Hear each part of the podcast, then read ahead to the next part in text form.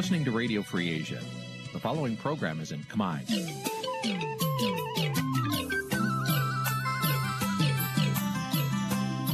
នេះជាកម្មវិធីផ្សាយ Vuthu Azizi Serai នេះជាកម្មវិធីផ្សាយរបស់ Vuthu Azizi Serai ជាភាសាខ្មែរ Vuthu Azizi Serai សូមស្វាគមន៍លោកអ្នកនាងទាំងអស់ពីរដ្ឋធានី Washington នៃសហរដ្ឋអាមេរិក ចាប់ផ្សាយផ្ទាល់ពីរដ្ឋធានី Washington នាងខ្ញុំសុជីវីសូមជម្រាបសួរលោកអ្នកនាងកញ្ញាដែលកំពុងតែតាមដានការផ្សាយរបស់ Vuthu Azizi Serai ទាំងអស់ជាទីមេត្រីយើងខ្ញុំសូមជូនកម្មវិធីផ្សាយសម្រាប់យប់ថ្ងៃអាទិត្យចាប់5រោចខែចេសឆ្នាំខាលចត្វាស័កពុរសករាជ2566ចាប់ត្រូវនៅថ្ងៃទី19ខែមិថុនាគ្រិស្តសករាជ2022ជាដំបូងនេះសូមអញ្ជើញលោកអ្នកនាង ស្ដាប់ព័ត៌មានប្រចាំថ្ងៃដែលមានមេត្តាដូចតទៅ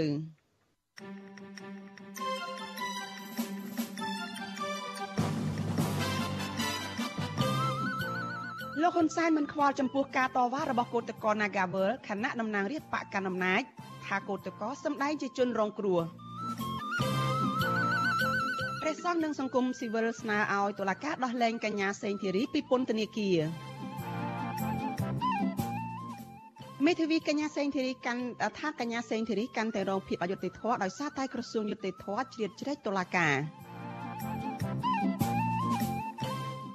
កម្មករសំណង់នៅខេត្តព្រះសីហនុថាថៅកែរត់ចោលពួកគេដោយមិនទាន់ផ្ដល់ប្រាក់ឈ្នួលរួមនឹងព័ត៌មានសំខាន់សំខាន់មួយចំនួនទៀត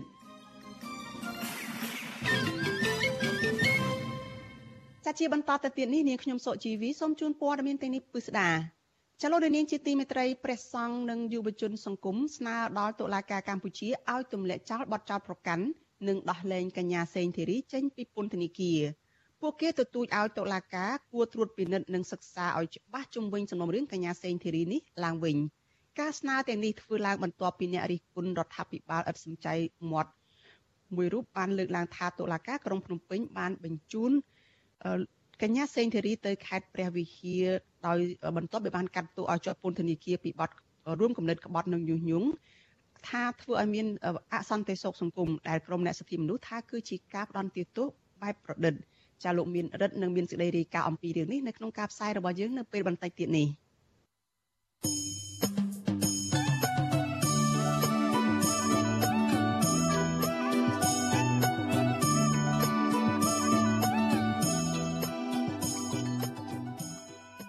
កាលលោកនាងកញ្ញាប្រិយមិត្តជាទីមេត្រីចាដំណើរគ្នានឹងការផ្សាយផ្ទាល់តាមបណ្ដាញសង្គម Facebook និង YouTube នេះចាលោកនាងក៏អាចស្ដាប់ការផ្សាយរបស់ Vithu Azizi សេរីចាតាមរយៈ Vithu រលកធាតុអាកាសខ្លី SW ចាតាមកម្រិតនិងកម្ពស់ដូចតទៅនេះពេលព្រឹកចាប់ពីម៉ោង5កន្លះដល់ម៉ោង6កន្លះតាមរយៈរលកធាតុអាកាសខ្លី12140 kHz ស្មើនឹងកម្ពស់ 25m និង13715 kHz ស្មើនឹងកម្ពស់ 22m ចាប់ពេលយប់ចាប់ពីម៉ោង7កន្លះដល់ម៉ោង8កន្លះតាមរយៈរលកធាតុអាកាសខ្លី9940 kHz ស្មើនឹងកម្ពស់ 30m 12140 kHz ស្មើនឹងកម្ពស់ 25m និង11885 kHz ស្មើនឹងកម្ពស់ 25m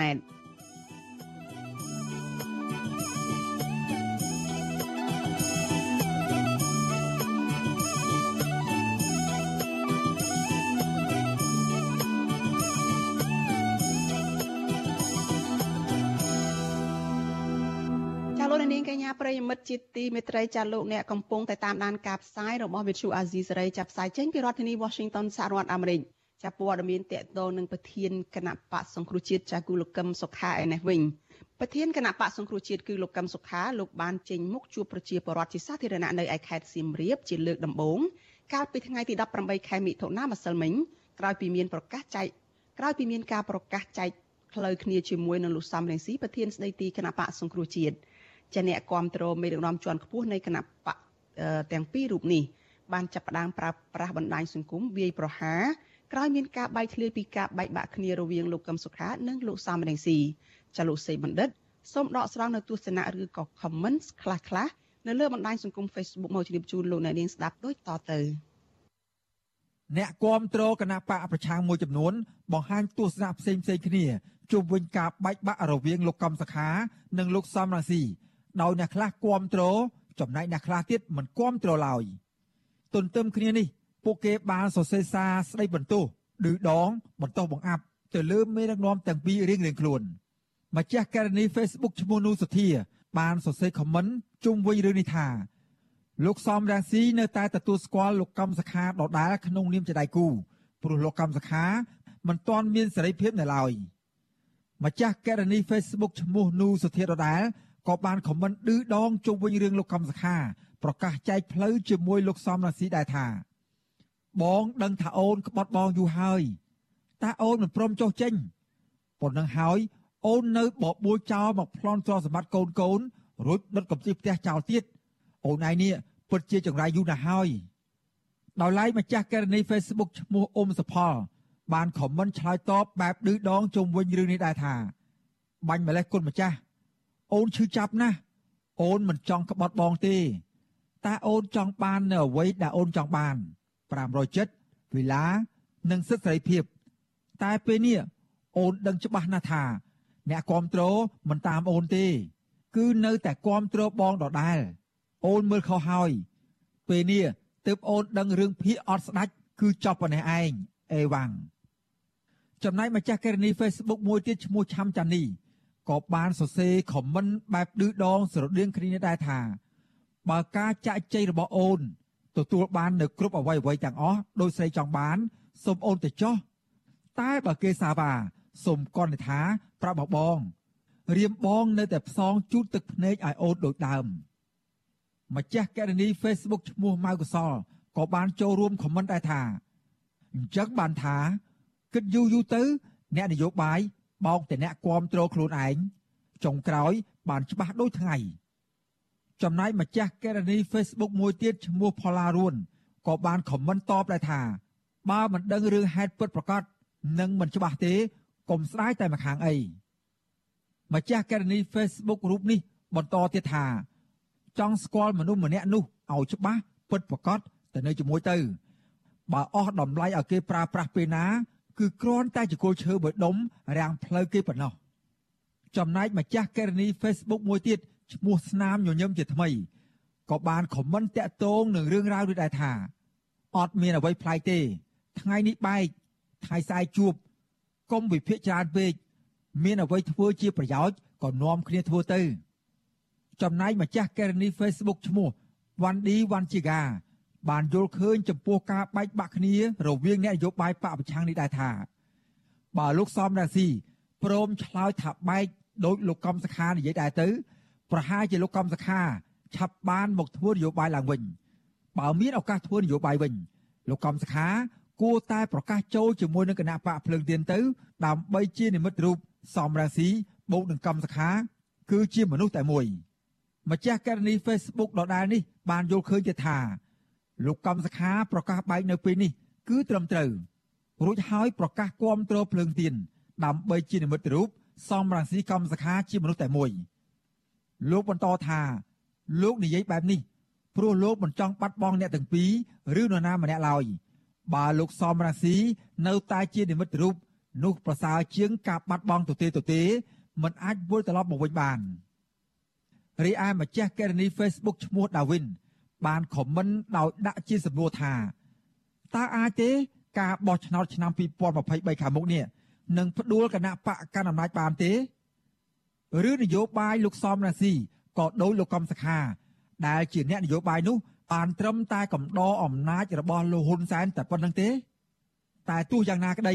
ការប្រកាសបែកគ្នានេះ គឺចេញតែពីខាងក្រមលោកកំសខាប៉ុណ្ណោះចំណែកលោកសំរាំងស៊ីវិញ គឺនៅតែអះអាងថា លោកកំសខានៅតែមានជំហរនិងគោលដៅដូចដើមដដែលគឺសំរាំងស៊ីនិងកំសខា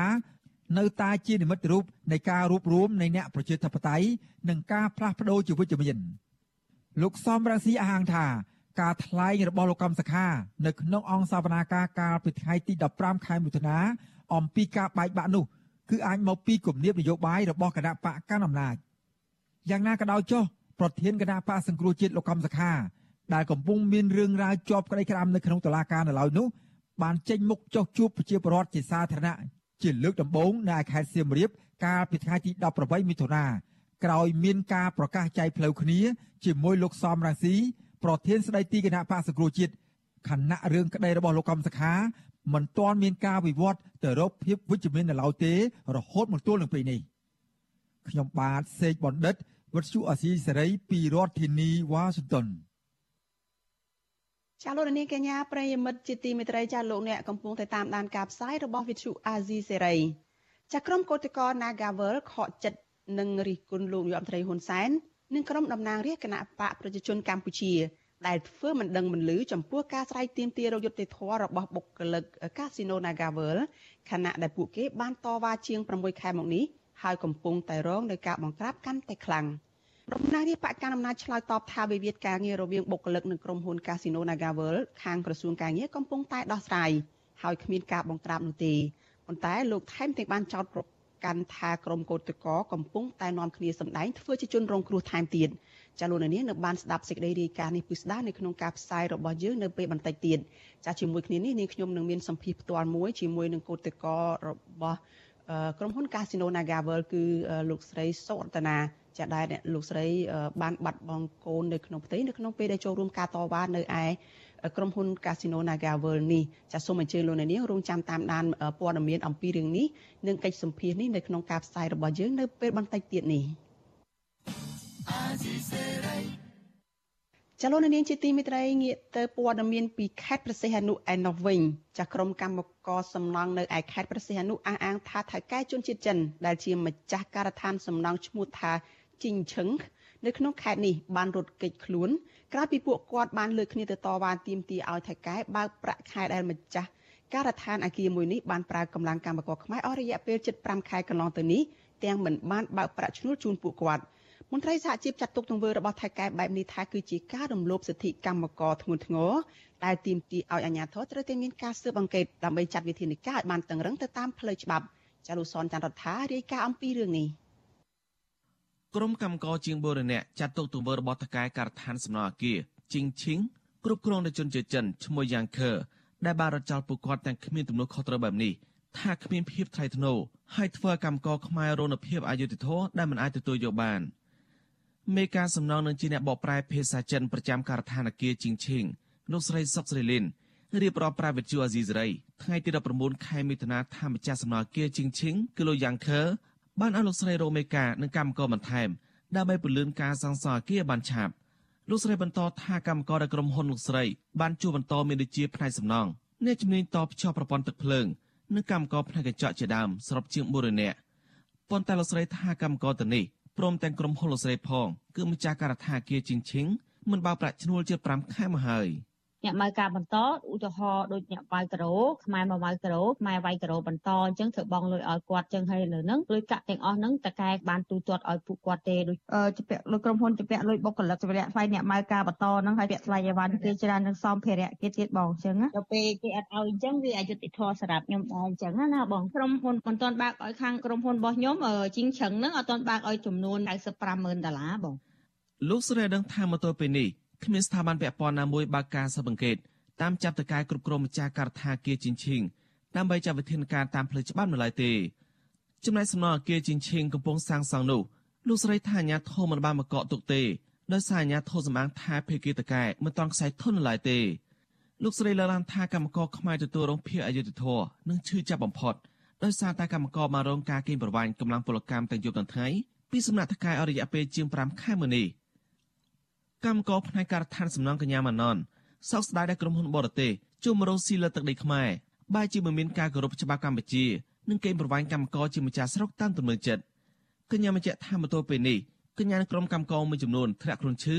ហើយជួបបញ្ហាសេដ្ឋកិច្ចក្នុងគ្រួសារធ្ងន់ធ្ងរ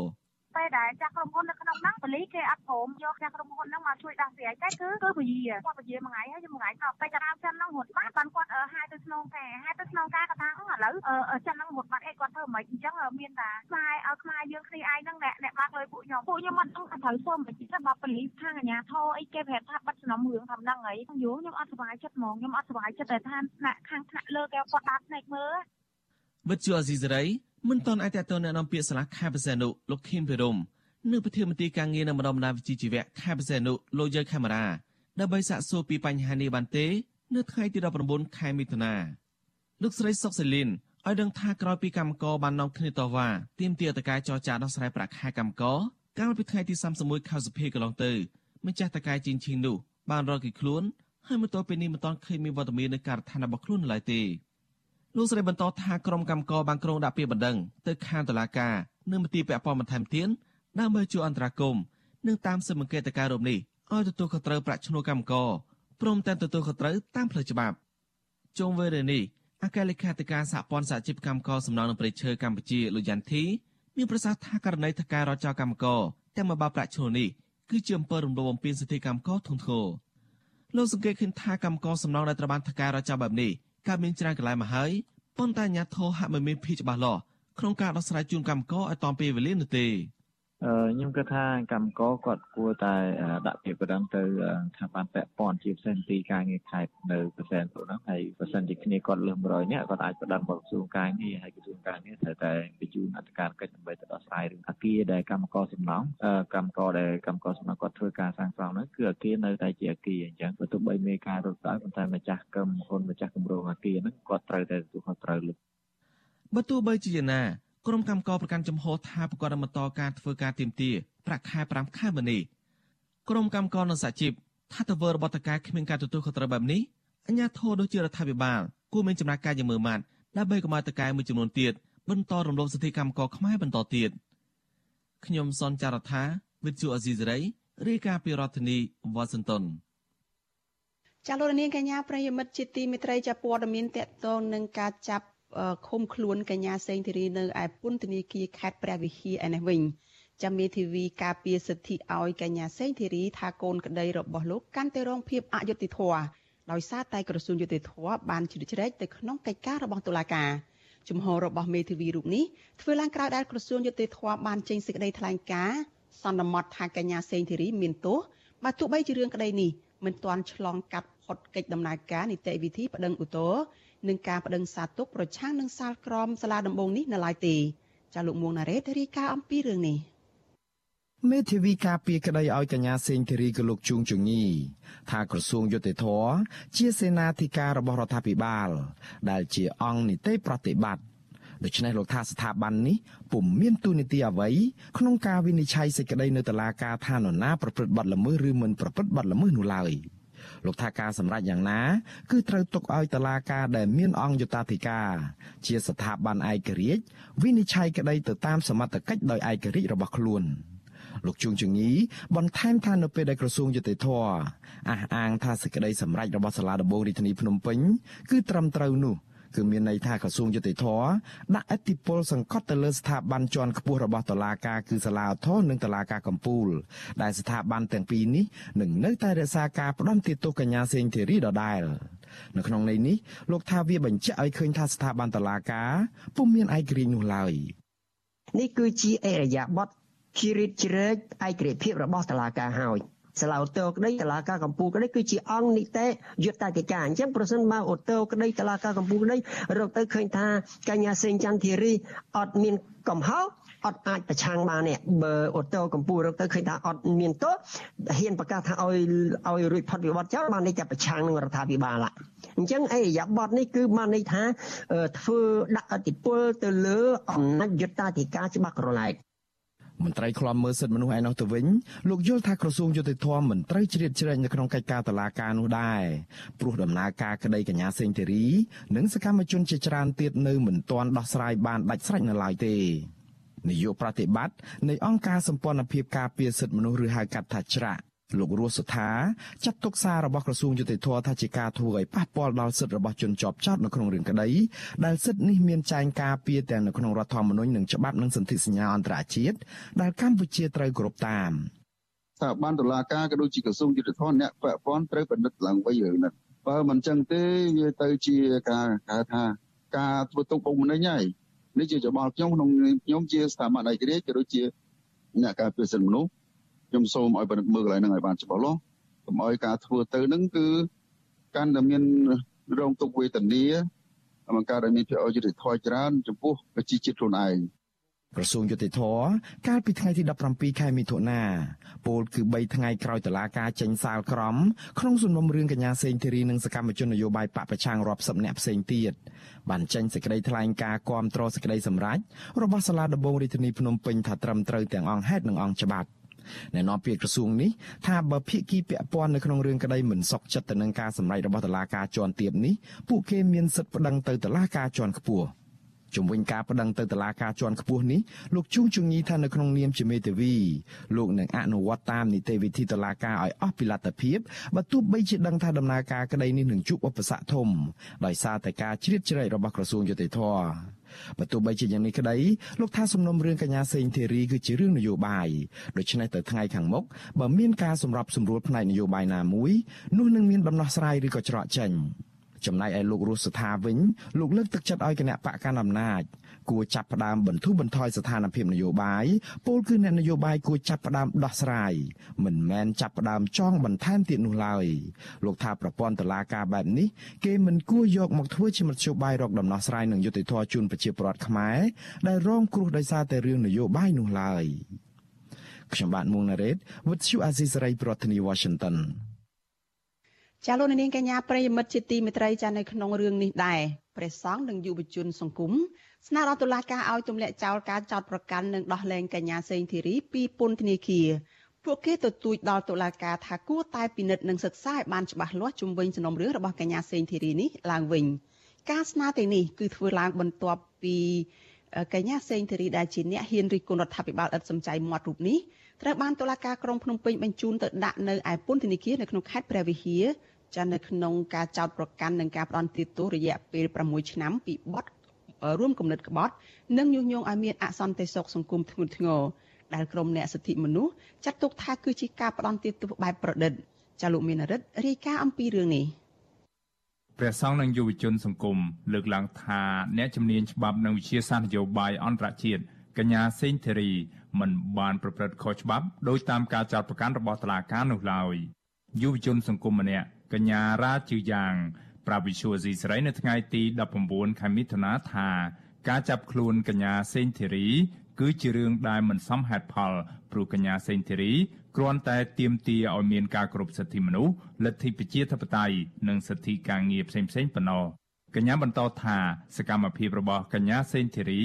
បានធ្វើឲ្យពិភពលោកស្គាល់គាត់ច្រើននិងចាត់ទុកគាត់ថាគឺជាស្ត្រីដ៏អង់អាចក្លាហានម្នាក់នៅកម្ពុជាកញ្ញារាជាយ៉ាងយល់ឃើញថាដោយសារតែប្រជាប្រិយភាពរបស់កញ្ញាសេនធីរីអាញាធរកម្ពុជា បានសម្រេចមិនឃុំខ្លួនកញ្ញានៅពន្ធនាគារនៅក្រុងភ្នំពេញដោយបានបញ្ជូនកញ្ញាសេនធីរីទៅឃុំខ្លួននៅឯពន្ធនាគារខេត្តព្រះវិហារវិញ ស្នើសុំឲ្យខាងផ្នែកតុលាការគាត់ធ្វើការវិនិច្ឆ័យរឿងក្តីនឹងឡើងវិញដោយដោះលែងឲ្យលោកស្រីសេសុធារីនឹងមានសិទ្ធិសេរីភាពឡើងវិញពីពន្ធនាគារខ្ញុំគិតថាតកតងជាមួយនឹងករណីលោកស្រីសេនសុធារីពិសេសជាងសកម្មជនផ្សេងៗដោយសារតែគាត់ជាមេធាវីឬមកក៏ជាអ្នកច្បាប់បែបសញ្ជាតិអាមេរិកចំណែកឯព្រះភិក្ខុថារ៉ាត់ព្រះអង្គមានធរៈដីកាថា តឡាការគួរតែត្រួតពិនិត្យលើបទចោទនេះសាជាថ្មីព្រោះក្រោយសារក្រមរបស់តឡាការតែងតែមានការតវ៉ាពីភាពអយុត្តិធម៌និងថ្កោលទោសពីប្រជាពលរដ្ឋនិងសង្គមស៊ីវិលព្រះអង្គបន្ថែមថាវិធីដែលល្អគឺតឡាការគួរតែដោះលែងកញ្ញាសេងធីរីឲ្យមានសេរីភាពឡើងវិញដើម្បីកុំឲ្យស្ថាប័នជាតិនិងអន្តរជាតិបន្តរិះគន់ដល់ស្ថាប័នតឡាការនៅកម្ពុជា ដើម្បីកុំឲ្យមានការតវ៉ាអីផ្សេងៗគឺត្រូវតែយើងធ្វើឲ្យបានត្រឹមត្រូវ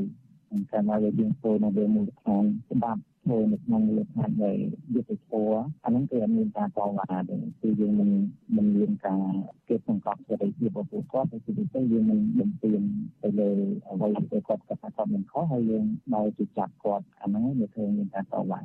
ជុំវិញរឿងនេះមេធាវីការពារក្តីឲ្យកញ្ញាសេងធីរី លោកជួងជងីប្រាវិសុយស៊ីស្រីនៅរសៀលថ្ងៃទី19ខែមិថុនាថា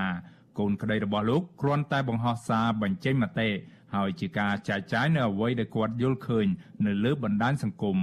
លោកអាងថាតាំងពីថ្ងៃចាប់ខ្លួនកូនក្តីរបស់លោកគិតរហូតមកទល់ពេលនេះលោកនៅមិនទាន់បានជួបកូនក្តីនៅឡើយទេហើយលោកនឹងស្នើសុំជួបកញ្ញាសេងធីរីដើម្បីជជែករកវិធីប្តឹងទោស លោកបញ្ជាក់ថាកូនក្តីរបស់លោកមិនបានប្រព្រឹត្តដោយតាមការចោទប្រកាន់របស់តុលាការនោះឡើយ។ឯកនឹងខ្ញុំដាក់សំណើទៅអគ្គនាយកដ្ឋានពន្ធនាគារក្រសួងមហាផ្ទៃដើម្បីសុំការអនុញ្ញាតដើម្បីទៅជួបសេងធីរីពេលដែលបានលិខិតអនុញ្ញាតពីក្រសួងមហាផ្ទៃទើបខ្ញុំទៅព្រះវិហារដើម្បីចូលជួបកញ្ញាសេងចន្ទធីរីដើម្បីប្រាប់គាត់ពីសេចក្តីសម្រេចរបស់តុលាការផងពន្យល់គាត់ពីសិទ្ធិផ្លូវច្បាប់ផងហើយនឹងបើគាត់ត្រូវកាប់នៅអូតូរៀបចំបែបបិទប្តឹងអូតូជូនគាត់ វិសុវស៊ីស្រីមិនអាចតតងแนะនាំពាក្យស្លាវធរលោកប្លង់សំណាងដើម្បីសូមអធិប្បាយជុំវិញរឿងនេះបាននៅឡើយទេនៅថ្ងៃទី19ខែមិថុនានាយកទទួលបន្ទុកកិច្ចការទូតនៃអង្គការលីកាដូលោកអំសមាត លើកឡើងថាការស្នើសុំរបស់ព្រះសង្ឃនិងយុវជន គឺជាសិទ្ធិសេរីភាពរបស់ពលរដ្ឋនៅក្នុងការយល់ឃើញនិងជាសេរីភាពនៃការបញ្ចេញមតិរបស់ពលរដ្ឋគ្រប់រូប លោកសង្ឃឹមថាស្លាវធរនឹងពិចារណាឡើងវិញលើបទចោទមកលើកញ្ញាសេងធីរី នៅពេលដែលមានការប្តឹងទោស ចំពោះករណីនេះព្រោះយើងឃើញមានបញ្ហាចម្រូងចម្រាសហើយនឹងការរិះគន់ច្រើន ពីសហគមន៍អឺរ៉ុបជាពិសេសពីសហរដ្ឋអាមេរិកដែលកញ្ញាសេនធូរីគឺជាពលរដ្ឋម៉ែអាមេរិកកាំងបាទអញ្ចឹងករណីនេះគឺមានការតាមដានការយកចិត្តទុកដាក់ហើយមានការលើកឡើងជាបន្តបន្ទាប់ថាជាការមួយដែលធ្វើឲ្យប៉ះពាល់ទៅលើសេរីភាពជាមូលដ្ឋានរបស់ពលរដ្ឋសេរីភាពក្នុងការបញ្ចេញមតិជាពិសេសគឺការតស៊ូមតិដើម្បីសេរីភាពជាមូលដ្ឋានរបស់កញ្ញាសេងធារីនឹងអញ្ចឹងចំណុចទាំងអស់នេះខ្ញុំយល់ថានៅពេលសាលាតោចាប់ផ្ដើមនីតិវិធីបន្តនីតិវិធីនេះអាចនឹងមានការពិចារណាកាលពីថ្ងៃទី14ខែមិថុនាកញ្ញាសេងធារីត្រូវបានសាលាដំបូងរាជធានីភ្នំពេញកាត់ទោសឲ្យជាប់ពន្ធនាគាររយៈពេល6ឆ្នាំពីបទរួមគំនិតក្បត់ និងបទញុះញង់ឲ្យមានភាពវឹកវរធ្ងន់ធ្ងរដល់សន្តិសុខសង្គម កញ្ញាសេងធារី គឺជាមេធាវី ជាអ្នកជំនាញច្បាប់និងវិជាសាស្ត្រនយោបាយអន្តរជាតិជាសកម្មជនទាមទារសិទ្ធិសេរីភាព និងជាអ្នករិះគន់រដ្ឋាភិបាលលោកហ៊ុនសែនកញ្ញាបានចូលរួមយ៉ាងសកម្មតវ៉ាជាមួយក្រមស្ត្រីថ្ងៃសុខនិងជាអ្នកលើកទឹកចិត្តដល់បុគ្គលិក Nagawal ឲ្យធ្វើកោតកម្មទាមទារសំណងការងារសមស្របពីថៅកែក្រុមហ៊ុន Nagawal អង្គការសង្គមស៊ីវិលជាតិនិងអន្តរជាតិដែលធ្វើការពាក់ព័ន្ធនឹងវិស័យសិទ្ធិមនុស្សនិងសហរដ្ឋអាមេរិកចាត់ទុកករណីនេះថាគឺជារឿងជាប់តាក់ទងនឹងនយោបាយច្រើនជាងការអនុវត្តច្បាប់ខ្ញុំបានមេរិត Visual C ស្រីរាយការណ៍ពីរដ្ឋធានី Washington ចាលោកនាងកញ្ញាប្រិយមិត្តជាទីមេត្រីចានៅក្នុងឱកាសនេះដែរចានាងសូមសូមថ្លែងអំណរគុណដល់លោកអ្នកនាងដែលតែងតែមានភក្ដីភាពចំពោះការផ្សាយរបស់យើងហើយចាត់ទុកការស្ដាប់វិទ្យុអាស៊ីសេរីនេះគឺជាផ្នែកមួយនៃសកម្មភាពប្រចាំថ្ងៃរបស់លោកអ្នកនាងចាការគ្រប់គ្រងរបស់លោកអ្នកនាងនេះហើយដែលធ្វើឲ្យយើងខ្ញុំកាន់តែមានទឹកចិត្តកាន់តែខ្លាំងថែមទៀតចានៅក្នុងការស្វែងរកព័ត៌មាននិងផ្សព្វផ្សាយព័ត៌មានពិតជូនលោកអ្នកនាងចាមានអ្នកស្ដាប់មានអ្នកទស្សនាកាន់តែច្រើនចាកាន់តែធ្វើឲ្យយើងខ្ញុំមានភាពស្វាហាប់និងមោះមុតជាបន្តទៅទៀត។ ចាស់ក្នុងឱកាសនេះដែរចាស់នេះខ្ញុំសូមថ្លែងអំណរគុណលោកអ្នកនាងទុកជាមុនហើយសូមអញ្ជើញលោកអ្នកនាងចាស់ចូលរួមជំរុញឲ្យសកម្មភាពផ្តល់ព័ត៌មានរបស់យើងនេះគឺកាន់តែជោគជ័យបន្ថែមទៀតចាលោកអ្នកនាងអាចជួយយើងខ្ញុំបានដោយគ្រាន់តែចុចចែករំលែកការផ្សាយរបស់វិទ្យុអាស៊ីសេរីចាទៅកាន់មិត្តភ័ក្តិរបស់លោកអ្នកនាង ចាគឺការផ្សាយផ្ទាល់របស់យើងនៅលើបណ្ដាញសង្គម Facebook និង YouTube ចាសូមចុចចែករំលែកឬក៏ Share ទៅកាន់មិត្តភ័ក្តិរបស់លោកអ្នកនាងដើម្បីឲ្យការផ្សាយរបស់យើងនេះបានទៅដល់មនុស្សកាន់តែច្រើនចាសូមអរគុណចលនានាងកញ្ញាប្រិយមិត្តជាទីមេត្រីព័ត៌មានតកតងនឹងកោតកល Nagavel ឯនេះវិញចាក្រុមកោតកល Nagavel ខកចិត្តនឹងរិះគន់លោកហ៊ុនសែននិងតំណាងរាជគណៈបកប្រជាជនកម្ពុជា ដែលធ្វើមិនដឹងមិនលឺចំពោះការស្រែកទាមទាររកយុត្តិធម៌របស់ពួកគេខណៈដែលពួកគេបានតវ៉ាអស់រយៈពេលជាង6ខែមកហើយហើយកំពុងរងការបង្ក្រាបកាន់តែខ្លាំងចាតំណាងរាជគណៈបកកណ្ដាលអំណាចឆ្លើយតបថាវិវាទការងាររវាងបុគ្គលិកនិងក្រុមហ៊ុន Casino NagaWorld គឺខាងក្រសួងការងារកំពុងដោះស្រាយហើយគ្មានការបង្ក្រាបនោះទេប៉ុន្តែលោកចោទថាកោតក្រកំពុងតែនាំគ្នាសម្ដែងធ្វើជាជនរងគ្រោះចាលោកថាថៃរាយការណ៍ពិស្ដារអំពីរឿងនេះ កោតកម្មរបស់ក្រុមបុគ្គលិកនាការវលរាប់រយនាក់បានអូសបន្លាយពេលជាង6ខែហើយនិងកំពុងទទួលរងការបង្ក្រាបកាន់តែខ្លាំងពីអាជ្ញាធរក្រុងភ្នំពេញអ្វីត្បិតតែការតវ៉ានេះធ្វើឡើងនៅក្បែរភូមិគ្រឹះរបស់លោកនាយករដ្ឋមន្ត្រីហ៊ុនសែននិងចិត្តអគាររដ្ឋសភាដែលជាកន្លែងតំណាងរាស្ត្រនិងអ្នកតាក់តែងច្បាប់សម្រាប់ប្រទេសទាំងមូលក្តីក្រុមបុគ្គលិកនាការវើលអះអាងថាមិនទាន់ឃើញប្រមុខរដ្ឋាភិបាលឬតំណាងរាស្ត្រណាម្នាក់របស់គណៈបកកណ្ដាលអំណាចចេញមុខមកស្ដាប់ទុកកង្វល់និងជួយអន្តរាគមន៍ដល់ពួកគាត់នោះទេ គឧតកោដ៏សកម្មមួយរូបគឺលោកស្រីមុំសុវត្ថិនរៀបរាប់ថាពួកគាត់ខកចិត្តចំពោះប្រមុខរដ្ឋាភិបាលតំណាងរាស្ត្រនិងក្រសួងពាក់ព័ន្ធដូចជាក្រសួងកិច្ចការនារីជាដើមដែលមិនអើពើជួយដោះស្រាយវិវាទការងារតែបែរជាទុកឲ្យពួកគាត់រងគ្រោះផ្ទួនផ្ទួនពីក្រុមហ៊ុននិងពីក្រុមអាជ្ញាធរដែលបង្ក្រាបឥតឈប់ឈរទៅវិញលោកស្រីអះអាងថាកោតកម្មនេះ កើតចេញពីការរំលោភសិទ្ធិនៅកន្លែងការងារដូច្នេះរដ្ឋាភិបាលគូតែមានជំហរឯករាជ្យជួយអន្តរាគមន៍ដោះស្រាយបញ្ចប់ដោយផ្អែកតាមច្បាប់ត្រឹមត្រូវគេវាយដងគេអីរាល់ថ្ងៃអត់មានអ្នកណាដឹងឮសោះហើយខ្ញុំឆ្ងល់ដល់ហើយប្រព័ន្ធបណ្ដាញសង្គមក៏មានហើយពិភពលោកគេដឹងឮអស់ថ្ងៃហេតុអីក៏អត់មានអ្នកណាអើពើមកពួកខ្ញុំហេតុអីក៏ទុកពួកខ្ញុំចោលចឹងព្រេងថាសុកទុករបស់គេគឺជាសុកទុករបស់ប្រមុខរដ្ឋាភិបាលដែរអញ្ចឹងព្រោះពួកខ្ញុំវាដូចជាកូនជាចៅដូចជាគេហៅថាជាដៃជើងសង្គមមានន័យថាមានពួកខ្ញុំទៅសង្គមវារីចម្រើនពីថាពេលពួកខ្ញុំមានការងារធ្វើទៅក៏សង្គមហ្នឹងរីចម្រើនទៅតាមហ្នឹងដែរមិនមែនឥឡូវពួកខ្ញុំពងរងទុកអត់មានអ្នកណាមកអើពើអញ្ចឹងខ្ញុំគិតជាខកចិត្តខ្លាំងហើយណាមួយជាប់របងរដ្ឋាភិបាលហើយមិនគួរថាអត់ដឹងអត់លឺហើយអត់មកជួយពួកខ្ញុំអញ្ចឹងទេគតកោរូបនេះចាត់ទុកថាទង្វើហិង្សារបស់អាជ្ញាធរកន្លងមកគឺជាការរំលោភសិទ្ធិរបស់ពួកគាត់ជាស្ត្រីធ្ងន់ធ្ងរព្រោះកតកម្មរបស់ពួកគាត់គឺធ្វើឡើងដោយសន្តិវិធីនិងស្របតាមច្បាប់ លោកស្រីសង្ស័យថាអាញាធរបានទទួលផលប្រយោជន៍ពីក្រុមហ៊ុនទើបខំការពីក្រុមហ៊ុនហើយងាកមកធ្វើបាបពួកគាត់ជាជនរងគ្រោះ។ មិនដឹងថាគាត់បានផលប្រយោជន៍អីដល់ថ្នាក់គាត់ហ៊ានវាយស្ត្រីហើយរហូតដល់ថ្នាក់មានអ្នករលូតកូនរលូតអីទៀតអញ្ចឹងយើងមើលថាក្តីមេត្តារបស់គាត់អត់មានហើយវិជ្ជាជីវៈក្នុងការធ្វើការរបស់គាត់អត់មានដោយអត់បានការអប់រំអញ្ចឹងបងហើយបើរឿងផលប្រយោជន៍វិញវាមិនដែលសុកសុកថាមកបក្រាបពួកខ្ញុំហាត់បានទេព្រោះដោយសារអីគាត់ត្រូវនៅចំណុចកណ្ដាលហេតុអីក៏គាត់ស្អៀងទៅខាងគេបើមិនគាត់ទទួលបានផលប្រយោជន៍គេហេតុអីក៏គាត់ធ្វើដល់ថ្នាក់នឹងអញ្ចឹងគណៈតកមួយរូបដែលរងអំពើហិង្សាពីអាជ្ញាធររហូតរលូតកូនគឺលោកស្រីសុករតនាថ្លែងថាលោកស្រីរងការប៉ះទង្គិចផ្លូវចិត្តជាខ្លាំងដែលធ្វើឲ្យលោកស្រីភ្លេចភ្លាំងស្មារតីច្រើននិងមានសុខភាពទន់ខ្សោយក្រោយបាត់បង់កូនក្នុងផ្ទៃលោកស្រីបន្តថាការតវ៉ារបស់ពួកគាត់គឺនៅមិនឆ្ងាយពីរដ្ឋសភានិងភូមិគ្រឹះរបស់លោកនាយករដ្ឋមន្ត្រីហ៊ុនសែនឡើយក៏ប៉ុន្តែលោកស្រីសោកស្ដាយដែលលោកនាយករដ្ឋមន្ត្រីនិងតំណាងរាស្ត្រធ្វើស្ដាប់មិនលឺនៅសម្រែកឈឺចាប់នឹងការដង្ហោយរោគយុតិធធរបស់ពួកគាត់ ខ្ញុំមានការខកចិត្តខ្លាំងមែនទែនដោយសារតែយើងមានតំណាងរាស្ត្រយើងមាននាយករដ្ឋមន្ត្រីប្រទេសយើងក៏មានសន្តិភាពប្រទេសយើងក៏មានលទ្ធិប្រជាធិបតេយ្យតែបែរជាមកប្រើអំពើហិង្សាលើកោតក្រស្លូតត្រង់ដែលធ្វើកោតកម្មស្របច្បាប់ទាមទារឲ្យក្រុមហ៊ុន Nagavel ដោះស្រាយត្រឹមតែវិវាទការងារមួយមិនមែនជារឿងធំទេគឺវារឿងទូចប៉ុន្តែវាអូសបន្លាយដល់6ខែអត់មានការដោះស្រាយចេញតែម្ដងឆន្ទៈរបស់ខ្ញុំនៅតែបន្តការទាមទារនឹងដដែលខ្ញុំអត់ឈប់ទេក្រុមបុគ្គលិកកាស៊ីណូ Nagavel បានចាប់ផ្ដើមធ្វើកោតកម្មតាំងពីខែធ្នូឆ្នាំ2021ដើម្បីទាមទារដំណោះស្រាយវិវាទការងារជាមួយភាគីក្រុមហ៊ុនដែលពួកគាត់ចោទថាបានរំលោភសិទ្ធិនិងអនុវត្តផ្ទុយពីច្បាប់តាក់ទងនឹងការបញ្ឈប់បុគ្គលិកនិងសហជីពពីការងារការតវ៉ារយៈពេលជាងកន្លះឆ្នាំមកនេះពួកគាត់មិនត្រឹមតែមិនទទួលបានដំណោះស្រាយសមរម្យនោះទេប៉ុន្តែក្រុមអាជ្ញាធររដ្ឋដែលហាក់ដូចជាស៊ីឈ្នួលកាងការពីក្រុមហ៊ុនបនលបែងបានចាត់ទុកស្ត្រីកូនតកដែលជាជនរងគ្រោះជាសត្រូវ ហើយតែងប្រើអំពើហិង្សានិងការធ្វើទុកបុកម្នេញជាប្រចាំ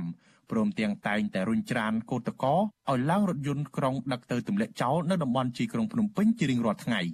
តាក់ទងករណីនេះប្រធានគណៈកម្មការសិទ្ធិមនុស្សទទួលពាក្យបណ្ដឹងអង្កេតទំនាក់ទំនងរដ្ឋសភាប្រសិទ្ធិនៃរដ្ឋសភាឯកបៈលោកសចម្រុងឆ្លើយតបថាកន្លងមករដ្ឋសភាបានបំពេញភារកិច្ចរួចហើយ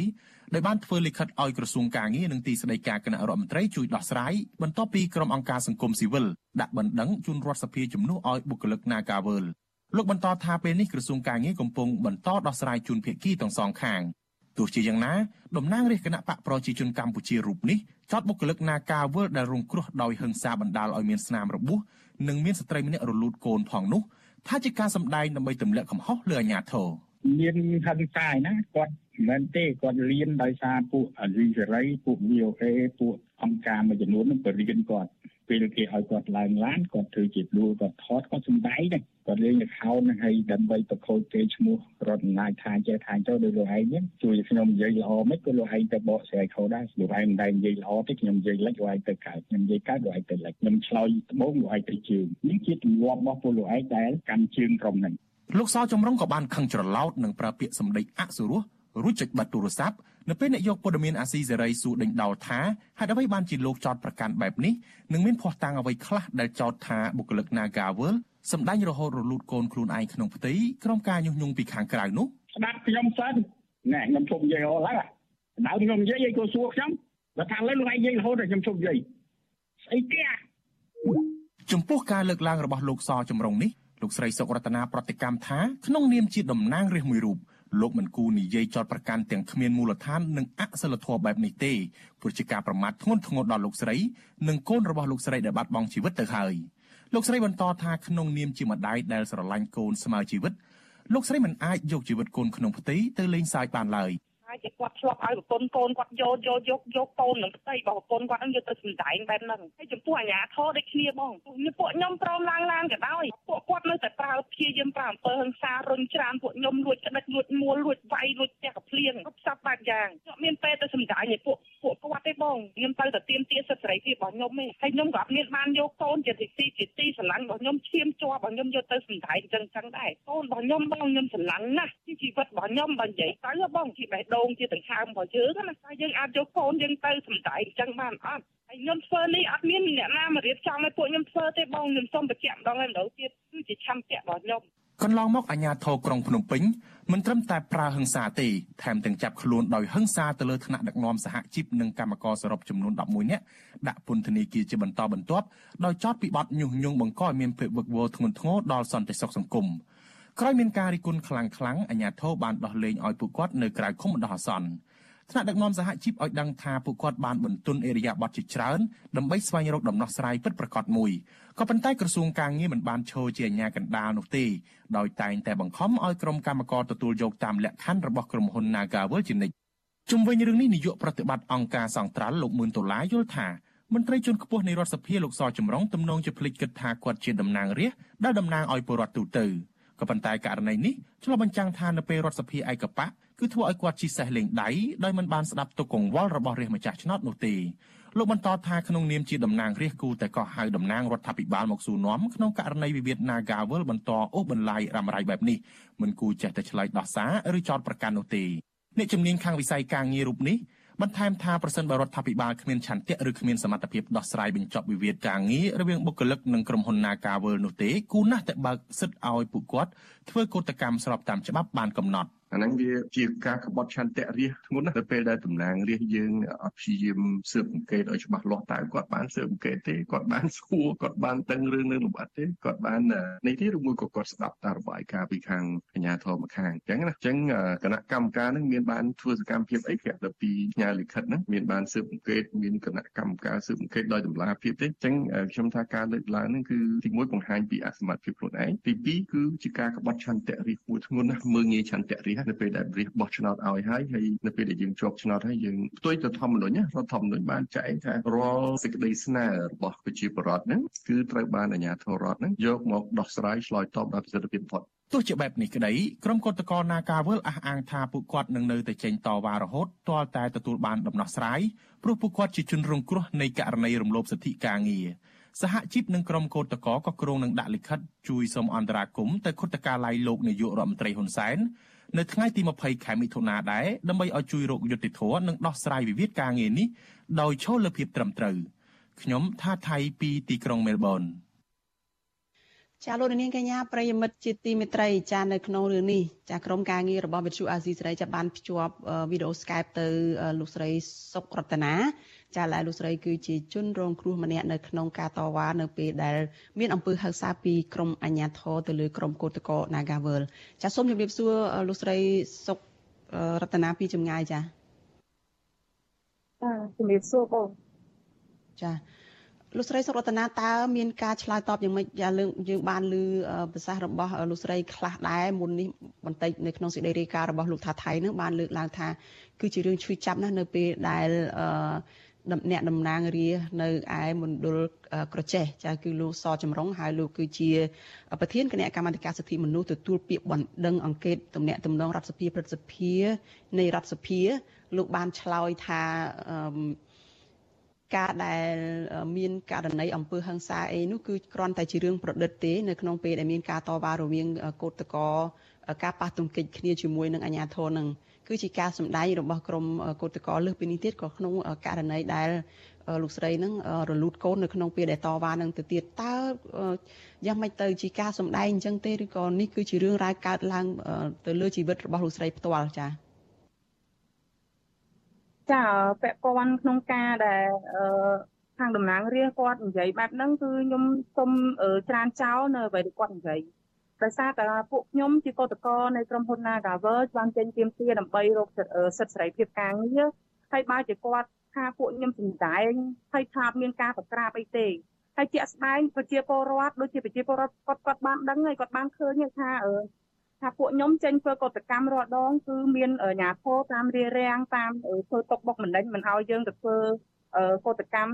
ជាមួយក្រុមហ៊ុនរបរបងក្រុមហ៊ុន Nagavel ដែលយើងមានវិវាទនឹងទេចា ហើយពាក់ព័ន្ធនឹងរូបនេះខ្ញុំផ្ទាល់នេះគឺខ្ញុំមានការសោកស្ដាយមែនទែនចំពោះតំណាងរាស្ត្រដែលគាត់និយាយថាគ្រាន់តែការសម្ដែងហើយខ្ញុំខ្ញុំចង់បញ្ជាក់ថាគ្មានអ្នកណាម្នាក់ដែលយកឆាត់សាច់ឈាមខ្លួនឯងឈាមឈាមដែលនៅឈាមដែលជាកូនខ្លួនឯងយកទៅសម្ដែងទេខ្លួនមួយជីវិតពីរបងអញ្ចឹងមានន័យថាខ្ញុំសុំច្រានចោលនៅអ្វីដែលគាត់និយាយហើយខ្ញុំក៏មានអារម្មណ៍ថាខ្ញុំស្ដាប់ហើយខ្ញុំមានអារម្មណ៍ថាចេះ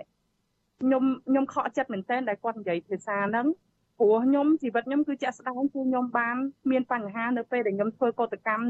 មែនគឺនៅថ្ងៃទី11ចា11ខ្ញុំបានចេញធ្វើកតកម្មនៅម៉ោង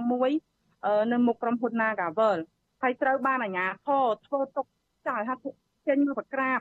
អឺអឺរបានរុញច្រានគ្នាខ្ញុំហ្នឹងធ្វើឲ្យមកមកដួលលើខ្ញុំដែលខ្ញុំកំពុងតែស្ដាងដល់លើឡានហើយហ្នឹងមានការប្រក្រាបពីអាជ្ញាធរ អញ្ចឹងមានន័យថាគេរុញគ្នាខ្ញុំរហូតដល់ដួលលើខ្ញុំខ្ញុំមានការអស់ពូតរហូតដល់កូនខ្ញុំអឺមានបញ្ហាចាចាតើពេលដែលមាន គ្រោះថ្នាក់បាត់បង់កូននៅក្នុងផ្ទៃហ្នឹងរតនាមានជារបាយការណ៍ឬក៏จะមានភ័ស្តុតាងមានសាកសីអីយ៉ាងម៉េចដើម្បីបញ្ជាក់ថានេះមិនមែនជារឿងសម្ដែងហើយវាជារឿងរ៉ាវពិតប្រាកដកើតទៅលើរតនា ចាខ្ញុំមានបងខ្ញុំមានភ័ស្តុតាងមួយចំនួនដែរអ្វីដែលខ្ញុំត្រូវបានទៅពិនិត្យសុខភាពខ្ញុំនៅមន្ទីរពេទ្យហើយជាបន្តបន្ទាប់រហូតដល់មានការអេកូមានអីហ្នឹងហើយមានកដាស់ពេទ្យដែលខ្ញុំចេញពីពេទ្យមកខ្ញុំពិនិត្យសុខភាពបន្តបន្ទាប់រហូតដល់កូនខ្ញុំត្រូវបានបាត់បង់ហើយខ្ញុំត្រូវបានឥឡូវហ្នឹងសុខភាពរបស់ខ្ញុំក៏វាទ្រុឌទ្រោមរហូតដល់ឥឡូវហ្នឹងខ្ញុំអត់ទាន់មានកម្លាំងទេបងពេលដែលខ្ញុំនិយាយខ្លាំងអញ្ចឹងនិយាយយូរគឺមានមានអារម្មណ៍ថាយើងហត់ យើងនៅអស់កម្លាំងគាត់ធៀមយើងគឺអត់មានទាន់គ្រប់គ្រាន់ទេហើយឥឡូវហ្នឹងក៏ខ្ញុំនៅក្នុងការតាមដានរបស់លោកគ្រូពេទ្យដែរបងចា សម្ដីរបស់រតនាពីខាងដើមនេះគឺរូបមួយជីវិតពីរប្រកាសណាស់ស្ត្រីជាម្ដាយប្រកាសជាបានដឹងច្បាស់ណាស់ថានៅពេលដែលពរពោះនឹងគឺជីវិតរវាងម្ដាយនិងកូននេះផ្សារភ្ជាប់គ្នានៅក្នុងពេលដែលមានគ្រោះថ្នាក់កូននៅក្នុងផ្ទៃគឺជីវិតម្ដាយនឹងក៏ប្រឈមនឹងគ្រោះថ្នាក់ដែរតើនៅពេលដែលបាត់បង់កូននៅពេលដែលទៅពេទ្យនៅពេលដែលដឹងថាកូនអាចស្លាប់នៅក្នុងផ្ទៃហ្នឹងតើសុខភាពនឹងយ៉ាងម៉េចគ្រូពេទ្យនឹងប្រាប់បញ្ជាក់ថាសុខភាពរបស់រតនានឹងប៉ះពាល់យ៉ាងម៉េចខ្លះចា៎ ចាពាក់ព័ន្ធនឹងពេលដែលខ្ញុំទៅពិនិត្យលើកចុងក្រោយហ្នឹងគឺកូនខ្ញុំបានលបាសងសុខគឺមានន័យថាកូនខ្ញុំចាប់ផ្ដើមខ្សោយមែនទែនហើយចំពោះសុខភាពរបស់ខ្ញុំគឺមានការអស់កម្លាំងគឺខ្ញុំហូបអត់បានចាហើយខ្ញុំស្លេកមែនទែនបងពេលហ្នឹងគឺខ្ញុំសុខភាពខ្សោយខ្លាំងមែនទែនអឺអញ្ចឹងមានន័យថាប៉ះពាល់មិនមែនប៉ះពាល់តែសុខភាពចាថាយើងបាត់បង់កូនវាយើងមានការសោកស្ដាយហើយតែយើង វាប្រឈមក្នុងការបាត់បង់អាយុជីវិតខ្លួនឯងទៀតហើយសួរថាខ្ញុំយកទៅសម្ដែងរបៀបម៉េចជីវិតខ្លួនឯងមួយជីវិតកូនមួយអញ្ចឹងមានន័យថាខ្លួនមួយជីវិតពីរហេតុអីបានគាត់និយាយភាសានឹងកើតឡើងភាសាហ្នឹងគឺមិនមែនជាអ្នកធម្មតាទៀតគឺគាត់ខាងតំណាងរាជឲ្យគាត់និយាយភាសាបែបហ្នឹងខ្ញុំទទួលយកអត់បានទេបងព្រោះខ្ញុំជាម្ចាស់ម្ចាស់ឆ្នោតមួយរូបដែរអញ្ចឹងខ្ញុំបោះឆ្នោតគ្រប់ត្រឲ្យគាត់គឺគាត់ មិនមិនមានការដោះស្រាយឲ្យពួកខ្ញុំហើយបែរជាលៀបពណ៌ពួកខ្ញុំថាពួកខ្ញុំទៅសម្ដែងសួរថាពួកខ្ញុំបានប្រយោជន៍អីគេសម្ដែងហ្នឹងខ្ញុំបានអីគេខ្ញុំដូចជាខ្ញុំជាក់ស្ដែងបងអឺឥឡូវនេះខ្ញុំប៉ះពាល់ផ្លូវចិត្តមែនទែនខ្ញុំមានការផ្លិចផ្លាំងច្រើនហើយខ្ញុំមានអារម្មណ៍ថាខ្ញុំបាក់ម្ដងនេះគឺខ្ញុំបាក់ខ្ញុំអស់ឈាមច្រើនហើយខ្ញុំប៉ះពាល់សេដ្ឋកិច្ចគ្រួសារខ្ញុំបាត់បង់កូនខ្ញុំបាត់បង់សតិអារម្មណ៍ចាចឹងខ្ញុំអត់មានអីត្រូវនិយាយជាមួយតបតជាមួយនឹងគាត់ដែលថា ពួកខ្ញុំនឹងទៅសំដែងអីមិនមកខ្ញុំអត់មានអីតបតទេខ្ញុំគ្រាន់តែចង់ផ្ដាំគាត់ថាខ្ញុំអត់បានសំដែងទេចាខ្ញុំអត់បានសំដែងអានេះខ្ញុំចេញដោយចិត្តខ្លួនឯងហើយក៏អត់មានការញុះញង់ពីបុគ្គលណាម្នាក់ដែរព្រោះខ្ញុំរងភាពអយុត្តិធម៌ត្រូវក្រុមហ៊ុន Nagavel ប្រឈប់ចិត្តមួយឆ្នាំហើយបងខ្ញុំអត់មានប្រាក់ខែទេចិត្តមួយឆ្នាំនេះអត់មានចំណូលទេចឹងខ្ញុំវាមានការពិបាកណាស់ទៅហើយហើយឥឡូវនឹងប្រឈមមុខខ្លួនឯងអឺអឺ ប៉ះពាល់សុខភាពធ្ងន់ធ្ងរហើយត្រូវបាត់បង់កូនទៀតអញ្ចឹងសតិអារម្មណ៍មួយហ្នឹងខ្ញុំជឿថាបងប្អូនបងប្អូនពុកម៉ែសាធារណជនក៏គាត់យល់ពីអារម្មណ៍ដែរចានៅពេលដែលមានរឿងការចោតប្រកាន់ដោយខុសពីការពិតឬក៏ការដែលធ្វើឲ្យយើង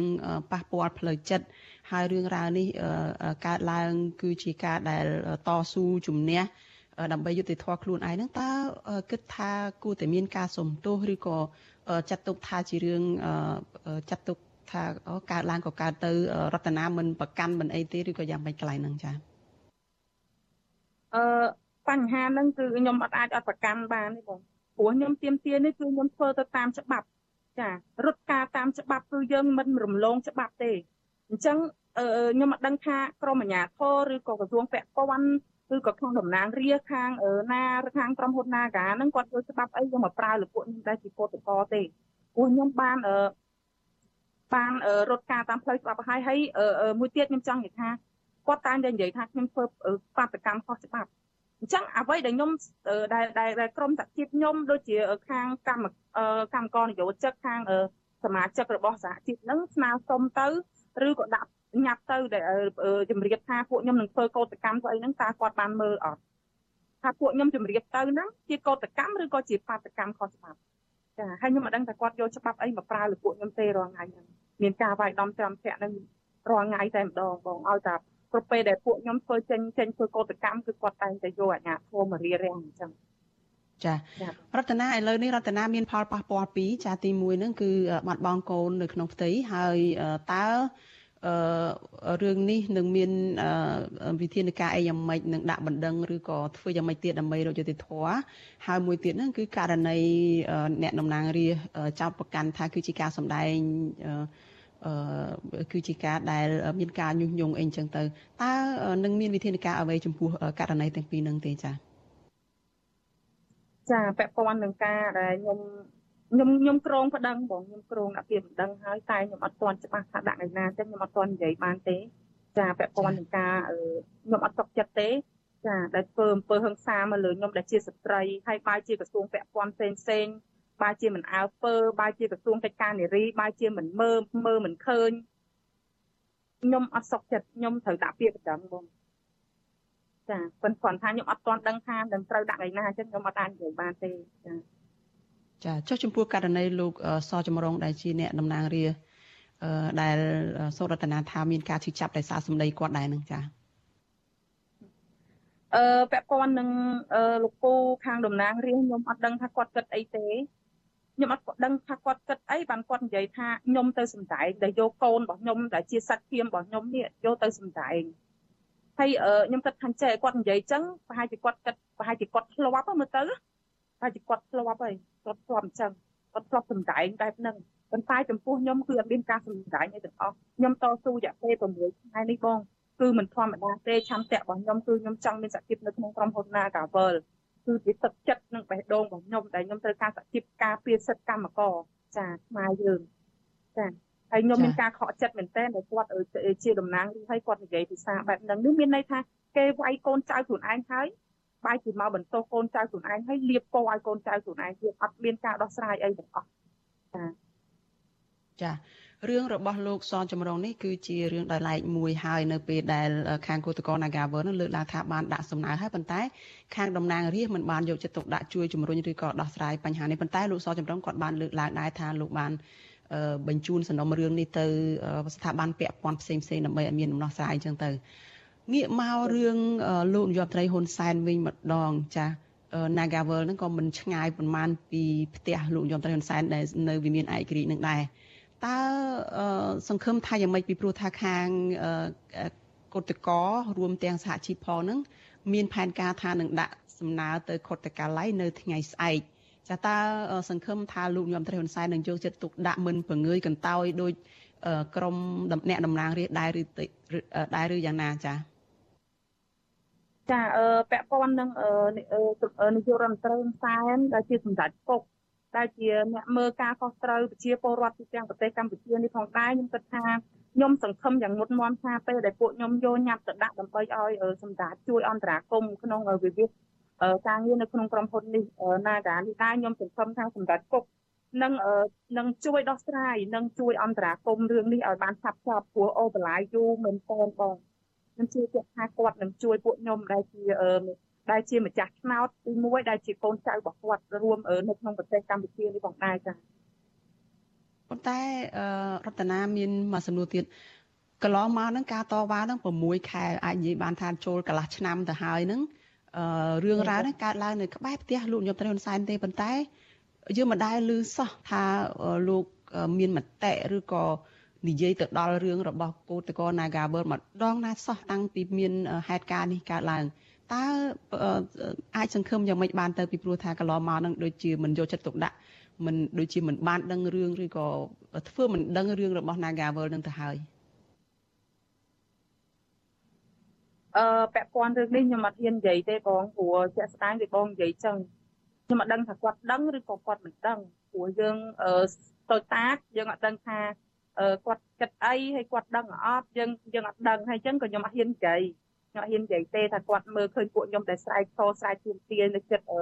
អឺវិមានរបស់គាត់ឬអត់ឬក៏ចិត្តប្រតិភិដែលដែលចិត្តតំណាងរាស្ត្រនឹងអត់ចាព្រោះវាច្រើនខែដែរហើយចាចា តកតងទៅនឹងការថែទាំសុខភាពវិញថាតើពេលនេះយ៉ាងម៉េចដែរឮថាសុខភាពនឹងនៅខ្សោយនៅឡើយទេថាតើត្រូវទៅពិនិត្យសុខភាពយ៉ាងម៉េចថែទាំសុខភាពយ៉ាងម៉េចបន្ទាប់ពីបាត់បង់កូនក្នុងផ្ទៃនឹងចាអឺឥឡូវហ្នឹងគឺខ្ញុំនៅត្រូវការលេខឆ្នាំបងនិយាយទៅចាប់ផ្ដើមតាំងពីថ្ងៃ28មកចាប់ផ្ដើមដែលខ្ញុំដេកពេទ្យពីពីយប់2ថ្ងៃហ្នឹងមកគឺខ្ញុំត្រូវលេខឆ្នាំជាប់ពីនិចបង លើកឆ្នាំជាប់ខ្ញុំត្រូវញ៉ាំទឹកក្តៅខ្ញុំត្រូវញ៉ាំឆ្នាំឲ្យទៀងទាត់ហើយឥឡូវហ្នឹងគឺខ្ញុំមិនទាន់មានកម្លាំងកំហែង100%ទេហើយក៏នៅក្នុងស្ថិតក្នុងការតាមដានរបស់គ្រូពេទ្យនៅនៅឡើយទេបងចាតើបានការផ្គត់ផ្គង់ជីវភាពនឹងយ៉ាងម៉េចទៅនៅពេលដែលបាត់បង់មិនមានការងារធ្វើទេបានន័យថាជីកូតកម្នាក់គឺមិនចូលធ្វើការទេនៅខាងក្រៅតវ៉ាហើយមានជំងឺផ្ទាល់ខ្លួនទៀតនឹងហើយ ការលើកឡើងរបស់ក្រមកុតកកន្លងមកហ្នឹងគឺពួកគាត់មានបញ្ហានៅក្នុងជីវភាពណាស់ដោយសារតែអត់បានធ្វើការអញ្ចឹងទៅតើចំពោះរដ្ឋាភិបាលផ្ទាល់ខ្លួនឯងហ្នឹងបានថាវិការពីណាផ្គត់ផ្គង់ជីវភាពអឺខ្ញុំបើមែនតែនទៅបងគឺរយៈពេលមួយឆ្នាំនេះគឺបានគ្រួសាររបស់ខ្ញុំតែប្រាក់ខែគាត់អត់ច្រើនទេបងខ្ញុំនៅតែមានការខ្វះខាតដោយសារតែរាល់ដងគឺប្រាក់ខែខ្ញុំគឺលើសគាត់អញ្ចឹងខ្ញុំទប់ខ្លះគាត់ទប់ខ្លះតែឥឡូវគឺគឺគាត់ទាំងស្រុង ហើយឥឡូវហ្នឹងខ្ញុំមានបញ្ហាសុខភាពជាងទៀតវាមានការខ្វះខាតខ្លាំងមែនទែនបងហើយជំងឺរបស់ខ្ញុំនេះគឺត្រូវការញ៉ាំអីដែលបើបើអញ្ចឹងបងហើយឥឡូវយើងខ្វះខាតថវិកាហើយ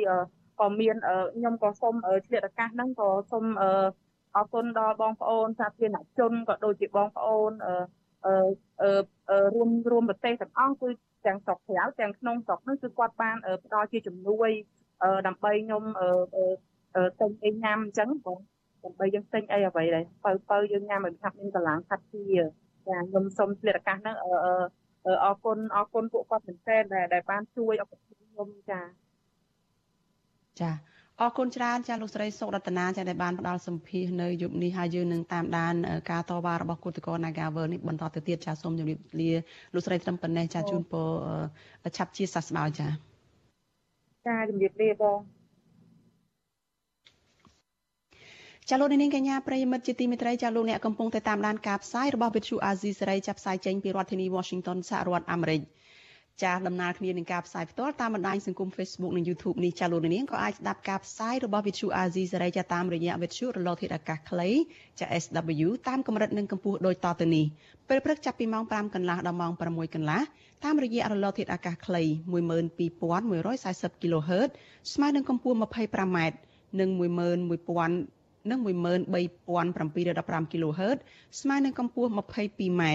ចាប់ពេលយប់ចាប់ពីម៉ោង7កន្លះដល់ម៉ោង8កន្លះតាមរយៈវិទ្យុរលកធាតុអាកាសខ្លី12140 kHz ស្មើនឹងកម្ពស់ 25m និង11880 85 kHz ស្មើនឹងកម្ពស់ 25m ចលនានេះកញ្ញាជាទីមេត្រីចាប់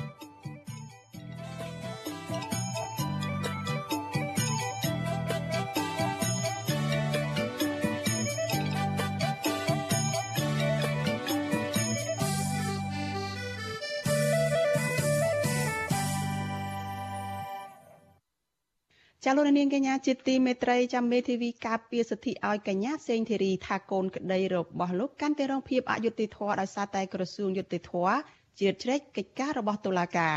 ចាស់ជំហររបស់មេធាវីរូបនេះធ្វើឡើងក្រោយដែលក្រសួងយុតិធធបានចេញសេចក្តីថ្លែងការណ៍សំណមត់ថាកញ្ញាសេងធីរីមានទោសបើទោះបីជារឿងក្តីនេះនៅមិនទាន់ឆ្លងផុតកិច្ចដំណើរការនីតិវិធីប្តឹងឧទ្ធរនិងប្តឹងសាទុកប្រឆាំងនឹងសាលក្រមសាលាដំបងនេះនៅឡើយ ចាលោកមូណារ៉េតរីកាព័ត៌មាននេះមេធាវីការពារក្តីឲ្យកញ្ញាសេងធីរីក៏លោកជួងជងីថាក្រសួងយុតិធធជាសេនាធិការរបស់រដ្ឋាភិបាល ដែលជាអង្គនីតិប្រតិបត្តិដូច្នេះលោកថាស្ថាប័ននេះពុំមានទូនីតិអ្វីក្នុងការវិនិច្ឆ័យសេចក្តីនៅតុលាការថានរណាប្រព្រឹត្តបទល្មើសឬមិនប្រព្រឹត្តបទល្មើសនោះឡើយ លោកថាការសម្រេចយ៉ាងណា គឺត្រូវទុកឲ្យតុលាការដែលមានអង្គយុតាធិការ ជាស្ថាប័នឯករាជ្យវិនិច្ឆ័យក្តីទៅតាមសមត្ថកិច្ចដោយឯករាជ្យរបស់ខ្លួនលោកជួងជងីបន្ថែមថានៅពេលដែលក្រសួងយុតិធធអះអាងថាសេចក្តីសម្រេចរបស់សាលាដំបងរាជធានីភ្នំពេញគឺត្រឹមត្រូវនោះ គឺមានន័យថាក្រសួងយុតិធធដាក់អធិបុលសង្កត់ទៅលើស្ថាប័នជាន់ខ្ពស់របស់តុលាការគឺសាលាឧទ្ធរនិងតុលាការកំពូល ដែលស្ថាប័នទាំងពីរនេះនឹងនៅតែរក្សាការផ្ដន់ទោសកញ្ញាសេងធីរីដដែលនៅក្នុងន័យនេះលោកថាវាបញ្ជាក់ឲ្យឃើញថាស្ថាប័នតុលាការពុំមានឯករាជ្យនោះឡើយ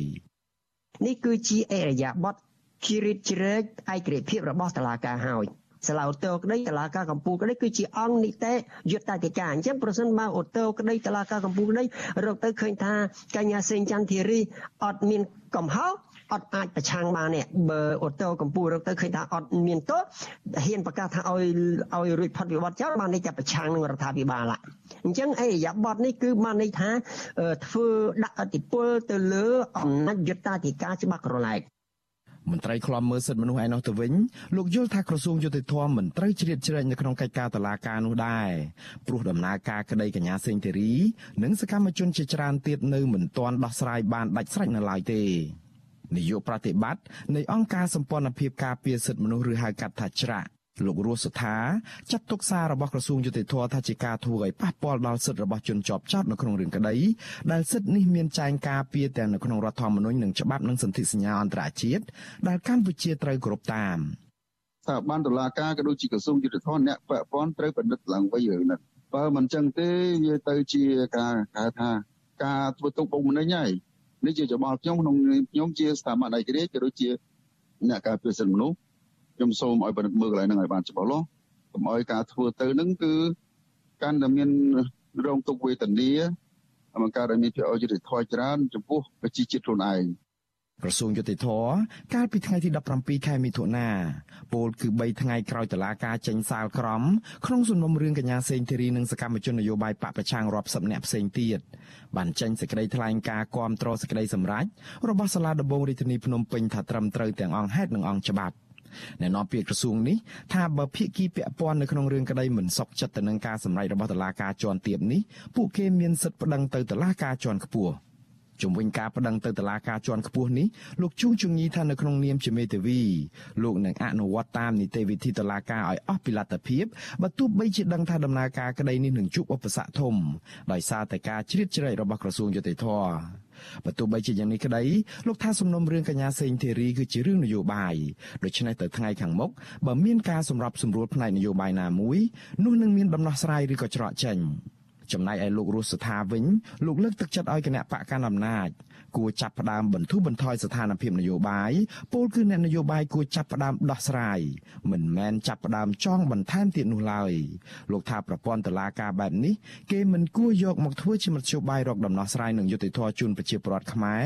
ដែលរងគ្រោះដោយសារតែរឿងនយោបាយនោះឡើយខ្ញុំបាទមុងណារ៉េត With you Aziz Ray ប្រធានាទី Washington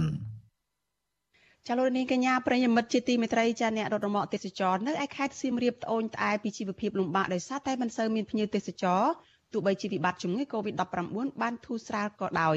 ចាលោកនាងនៅបានស្ដាប់សេចក្តីរាយការណ៍នេះនៅក្នុងការផ្សាយរបស់យើងនៅព្រឹកស្អែកដែលនឹងចាប់ផ្ដើមពីម៉ោង5កន្លះដល់ម៉ោង6កន្លះព្រឹក។